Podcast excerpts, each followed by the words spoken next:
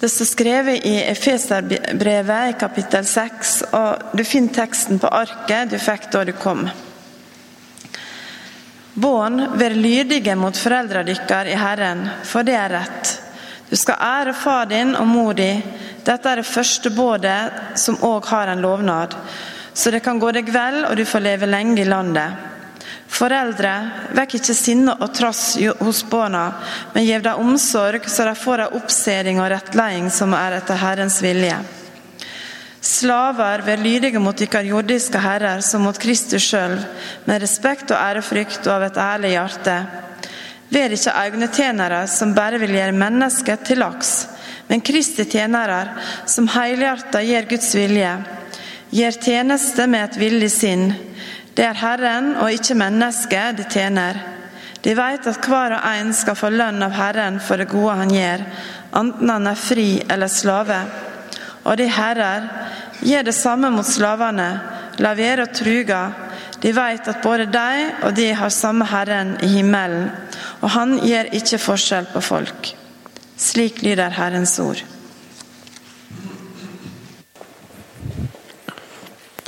Vi holder på å jobbe gjennom ei bok i Bibelen som heter Efeserbrevet. Den er delt i to. Den har tre kapittel som handler om hva Gud gjør når han frelser folket sitt. Og så er det tre mer praktiske kapittel som handler om hva betyr det i hverdagen. Og Her har vi kommet til en veldig praktisk del, som dere hørte. Dette er hverdag, egentlig. Paulus, eh, som har skrevet det, snakker om to ting her. Han snakker om hvordan skal vi tenke rundt det å oppdra ungene våre? Og hvordan skal vi tenke rundt arbeidet vårt? Jeg skal komme til den siste biten, eh, for den er kanskje skjult litt under ordet slave, men det skal vi se på etterpå. Og Det er der ganske mange av dere bruker tida deres. Dere er ikke i kirka hver dag. Dere er kanskje hjemme og holder på med ungene deres. Eller dere er på jobb. Eller kanskje dere er pensjonister og har brukt masse tid på dette tidligere, men nå holder på med et annet type arbeid som ikke er lønna. Eh, så det er fortsatt relevant om du ikke har en arbeidsgiver. sånn sett. Så jeg tenkte jeg skulle se på dette i lag i to deler. Først så må vi se på det med unger. Eh, følg gjerne med på arket ditt hvis du har det. For Paulus skriver Barn, vær lydig mot foreldrene deres i Herren for det er rett. Du skal ære far din og mor di. Dette er den første bådet som òg har en lovnad. Så det kan gå deg vel, og du får leve lenge i landet. Så Paulus tenker veldig stort om det å bruke tid på å oppdra unger. Av og til så er det sånn at oss føler at samfunnet setter det litt lavt, kanskje. Si at du har en stor og imponerende jobb. Kanskje du er statsminister, eller kanskje du har en lederposisjon. Eh, og så skal du hjem og være i permisjon. X antall uker eller måneder. Det er ikke sikkert det er det du går og skryter av. Sånn, oh, du skulle bare visst hva jeg er på. Jeg skifter bleier, liksom. Um, men Paulus tenker veldig stort om det. Og En gang når dere har tid, så må dere ta og lese starten på andre Mosebok. For Der går det an å merke noe veldig interessant om hvordan Gud tenker om folk som passer på små unger. I starten av andre Mosebok så begynner Gud med små skritt. En prosess som etter hvert kommer til å føre til at israelsfolket slipper ut av Egypt. Så Gud begynner å demontere makta til supermakt. Eh, han begynner på noe som skal endre hverdagen for millioner av mennesker. Og Måten han gjør det på, er utelukkende gjennom damer som passer på små unger. Har dere tenkt over det før? Les andre Mosebok eh, en gang til. Først så har du jordmødrene Farao sier at de skal drepe alle guttebarn, og at jordmødrene skal gjøre det. Og så sier de ok, men så gjør ikke de det, for de frykter Gud. Og Det neste som skjer, er at mora til Moses Hun er nevnt senere i Bibelen som en trushelt. Det står om hun i Hebreabrevet kapittel 11, hun og mannen hennes. De skulle egentlig gi fra seg Moses sånn at han kunne bli drept. Men de har stor tro, og de passer på han og setter han ut på elva. Og Så finner dattera til farao og Moses. Så poenget her Gud holder på med noe veldig, veldig, veldig stort. Og måten han gjør det på, er gjennom kvinner som er hjemme og holder på med ungene sine, og kanskje ikke gjør ting som er sånn veldig imponerende sett utenfra. Ehm, tigeren er ferdig nede og er kommet tilbake. Så, og Det er en gjenganger gjennom hele, hele dette avsnittet. Fokus er på det indre, ikke det ytre. For Det er veldig lett å se på avstand. ok, Jordmødrene de passer på småungene. Hva har det å si i det store bildet? på en måte? Det har enormt masse å si. Masse masse mer enn hva som er synlig bare når du ser det der og da. Og Det er oppmuntringa til Paulus med at når dere bruker tid på ungene deres, så ikke ha fokus på det ytre. Ikke tenk på hvordan det ser ut. Oh, ser jeg ut som en bra forelder, eller ikke? Tenk på hva som har omsorg for deg. Hva som vil være en god måte å ha omsorg for deg. Se på vers 4. Foreldre, vekk ikke sinne og trass hos barna. Men gi dem omsorg, så de får en oppseding og rettledning som er etter Herrens vilje. Ganske rett fram, egentlig. Men den tida du bruker der, og den energien du bruker der, kan være noe av det største du kan gjøre for Gud der du er nå. Så Ikke tenk lite om dette. Det kan hende du er i ferd med å endre hele verden med at du er hjemme og skifter bleier og bruker tid på ungene dine. sånn.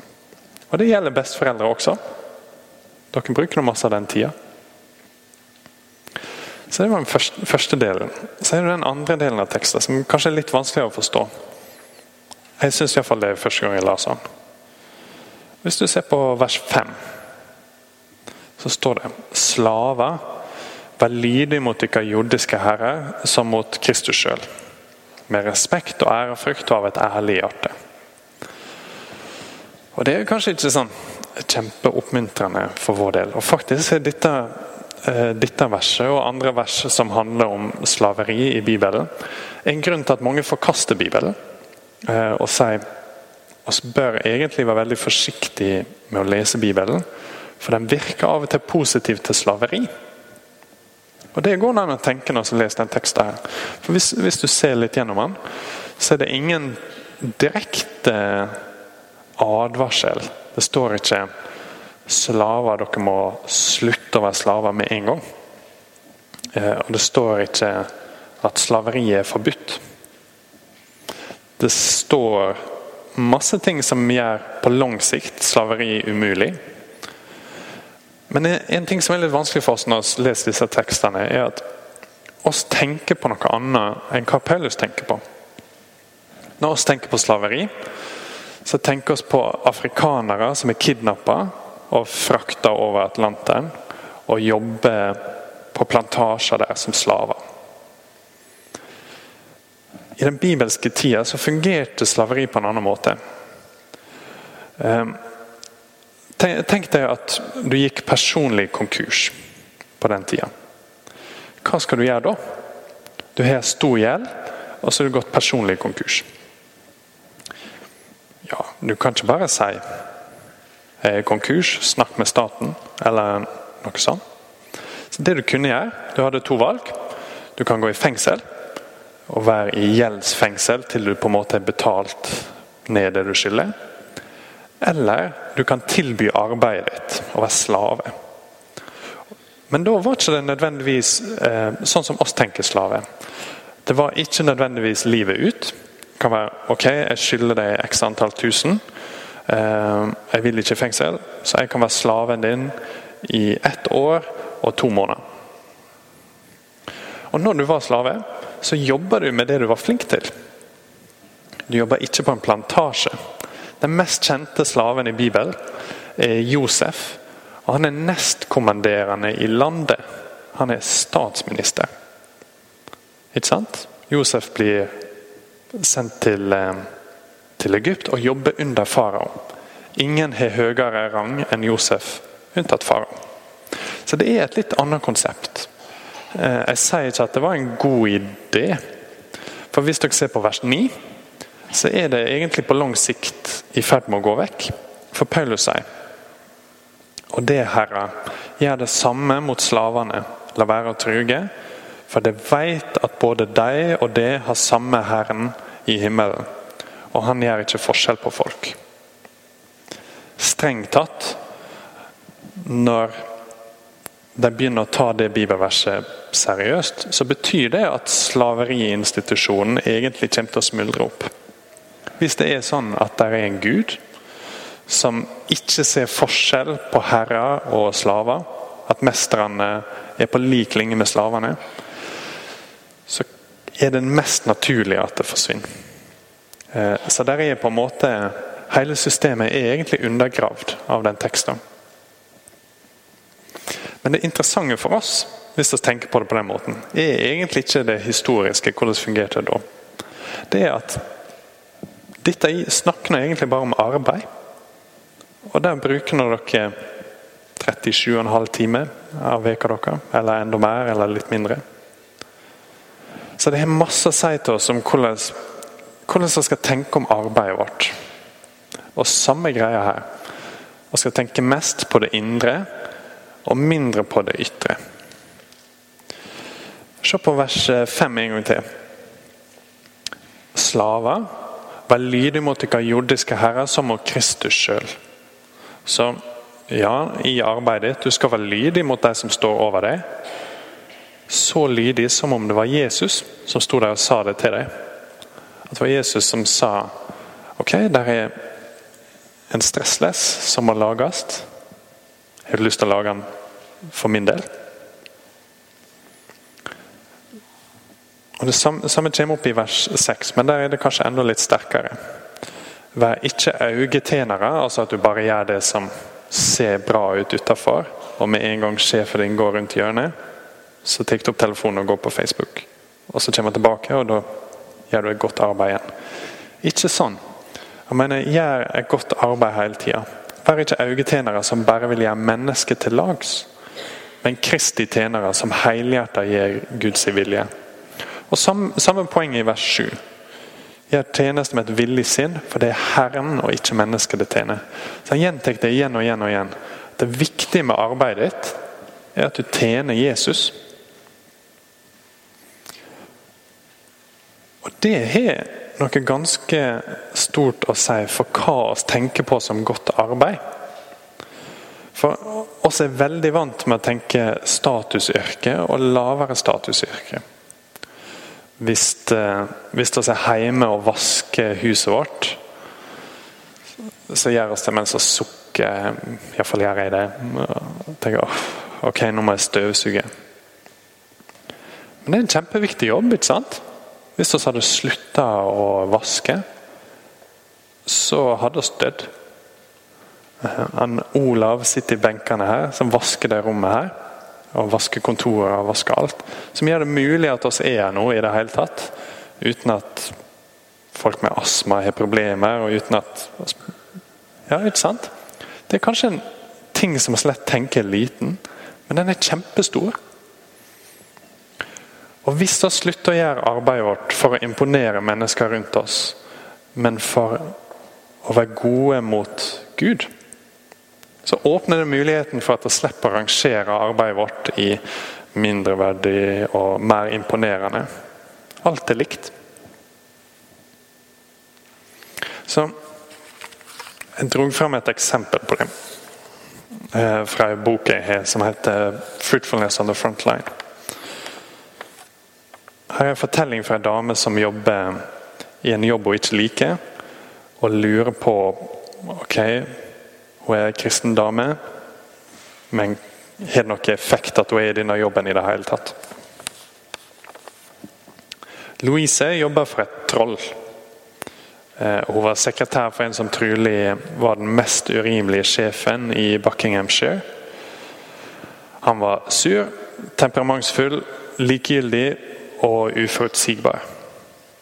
hun jobber for han i tre år. Eh, så her er en dame som har en elendig sjef, og hun jobber for han som sekretær. Eh, og Hun brukte de tre åra på å be Gud om styrke og ba om at han skulle endre seg. Ba om at han skulle begynne å følge Jesus, men ingenting av det skjedde. Og Til slutt så slutta hun jobben sin og sa jeg orker ikke dette mer, jeg må gjøre noe annet. Og Da er det naturlig sant? Hun føler at hun er svikta av Gud, og at jobben hennes er helt vekkasta. Så går det tre uker, så ringer noen henne. Og Det er hun dama som har erstatta henne som sekretær. Og hun sier han er helt umulig. Jeg kan ikke jobbe for han. Jeg har vært tre uker, og jeg har allerede begynt å planlegge å slutte. Så jeg snakka med et par folk, og de sa at jeg skulle ringe deg. For du hadde gjort en fantastisk jobb. Du var sjenerøs, du var positiv, til tross for at han var helt umulig. Forstår dere poenget? Ytre sett, hvis, hvis, du skal gjøre jobben din for å imponere andre mennesker, så er dette en håpløs jobb. Den er egentlig vekkasta. For du er der dag etter dag, og du ser ingen effekt. Men Gud ser det du gjør. Og plutselig så kan du få sånne ting i ettertid. At noen andre kommer og ser at oi, dette er egentlig en umulig jobb. Og hun klarte den i tre år. Så tenk stort om arbeidet deres. Men i, i, alle disse tingene så ligger det på en måte en advarsel bak teksten. Dette er ting som lett blir for store for oss. Det er veldig viktige ting, og derfor blir de lett de viktigste tingene. Og da blir de ødelagte. Måten du oppdrar ungene dine på, eller måten du jobber på, kan ikke være det viktigste i livet ditt. For da vil det ødelegge livet ditt. Hvis oppdragelsen din av ungene dine er det som skal gi deg mening i livet og verdi, så kommer du til å skvise ungene dine, og du vil aldri kunne slippe dem og sende dem ut i verden. For du er avhengig av dem. Hvis du ikke får oppdra dem, så forsvinner du som person. Og Sammen med arbeidet ditt, hvis det er arbeidet ditt som skal gi deg glede og verdi og håp, det er veldig bra hvis det gjør det, men det kan ikke være det primære i livet ditt. For da vil det spise deg levende. Og Det er det hele Feserbrevet handler om. egentlig. Hva er det som skal være det primære i livet vårt? Hva er det som kan gi oss håp? Og hva er det som virkelig kan styrke oss, sånn at vi er fri til å oppdra ungene våre og se det som verdensendrende, uten at det skal sluke oss. Og hva er det som kan gjøre oss fri til å gjøre sjøl det små arbeidet som vi av og til sukker litt over. Uff, hvorfor må jeg gjøre dette i dag? Det er Jesus. Jesus er ferdig med sitt arbeid. Det han gjorde, var at han kom til jorda, og til slutt så døde han for oss. Sånn at når Gud ser på oss i dag hvis vi tror på han, så ser ikke han vårt dårlige arbeid eller vår sviktende evne til å oppdra ungene våre, eller våre varierende lydighet og sånn. Han ser Jesus i godhet og Jesus i verdi. Dette er det store budskapet i Efeserne. At med trua på Jesus, så blir vi satt fri. Og Da er vi plutselig fri til å være foreldre og fri til å være ansatte eller ledere eller hva dere nå enn jobber med. For oss jobber ikke framfor kritiske øyne fra folk som vi sammenligner oss med. Vi jobber framfor øynene til en kjærlig far som elsker oss. Så skal vi be i lag. Kjære far, oss ber om at du skal hjelpe oss, enten det er med barneoppdragelse eller med arbeid av alle mulige ulike slag. Og hjelp oss å gjøre det framfor dine øyne, i visshet om at du elsker oss, og at du har frelst oss. Amen.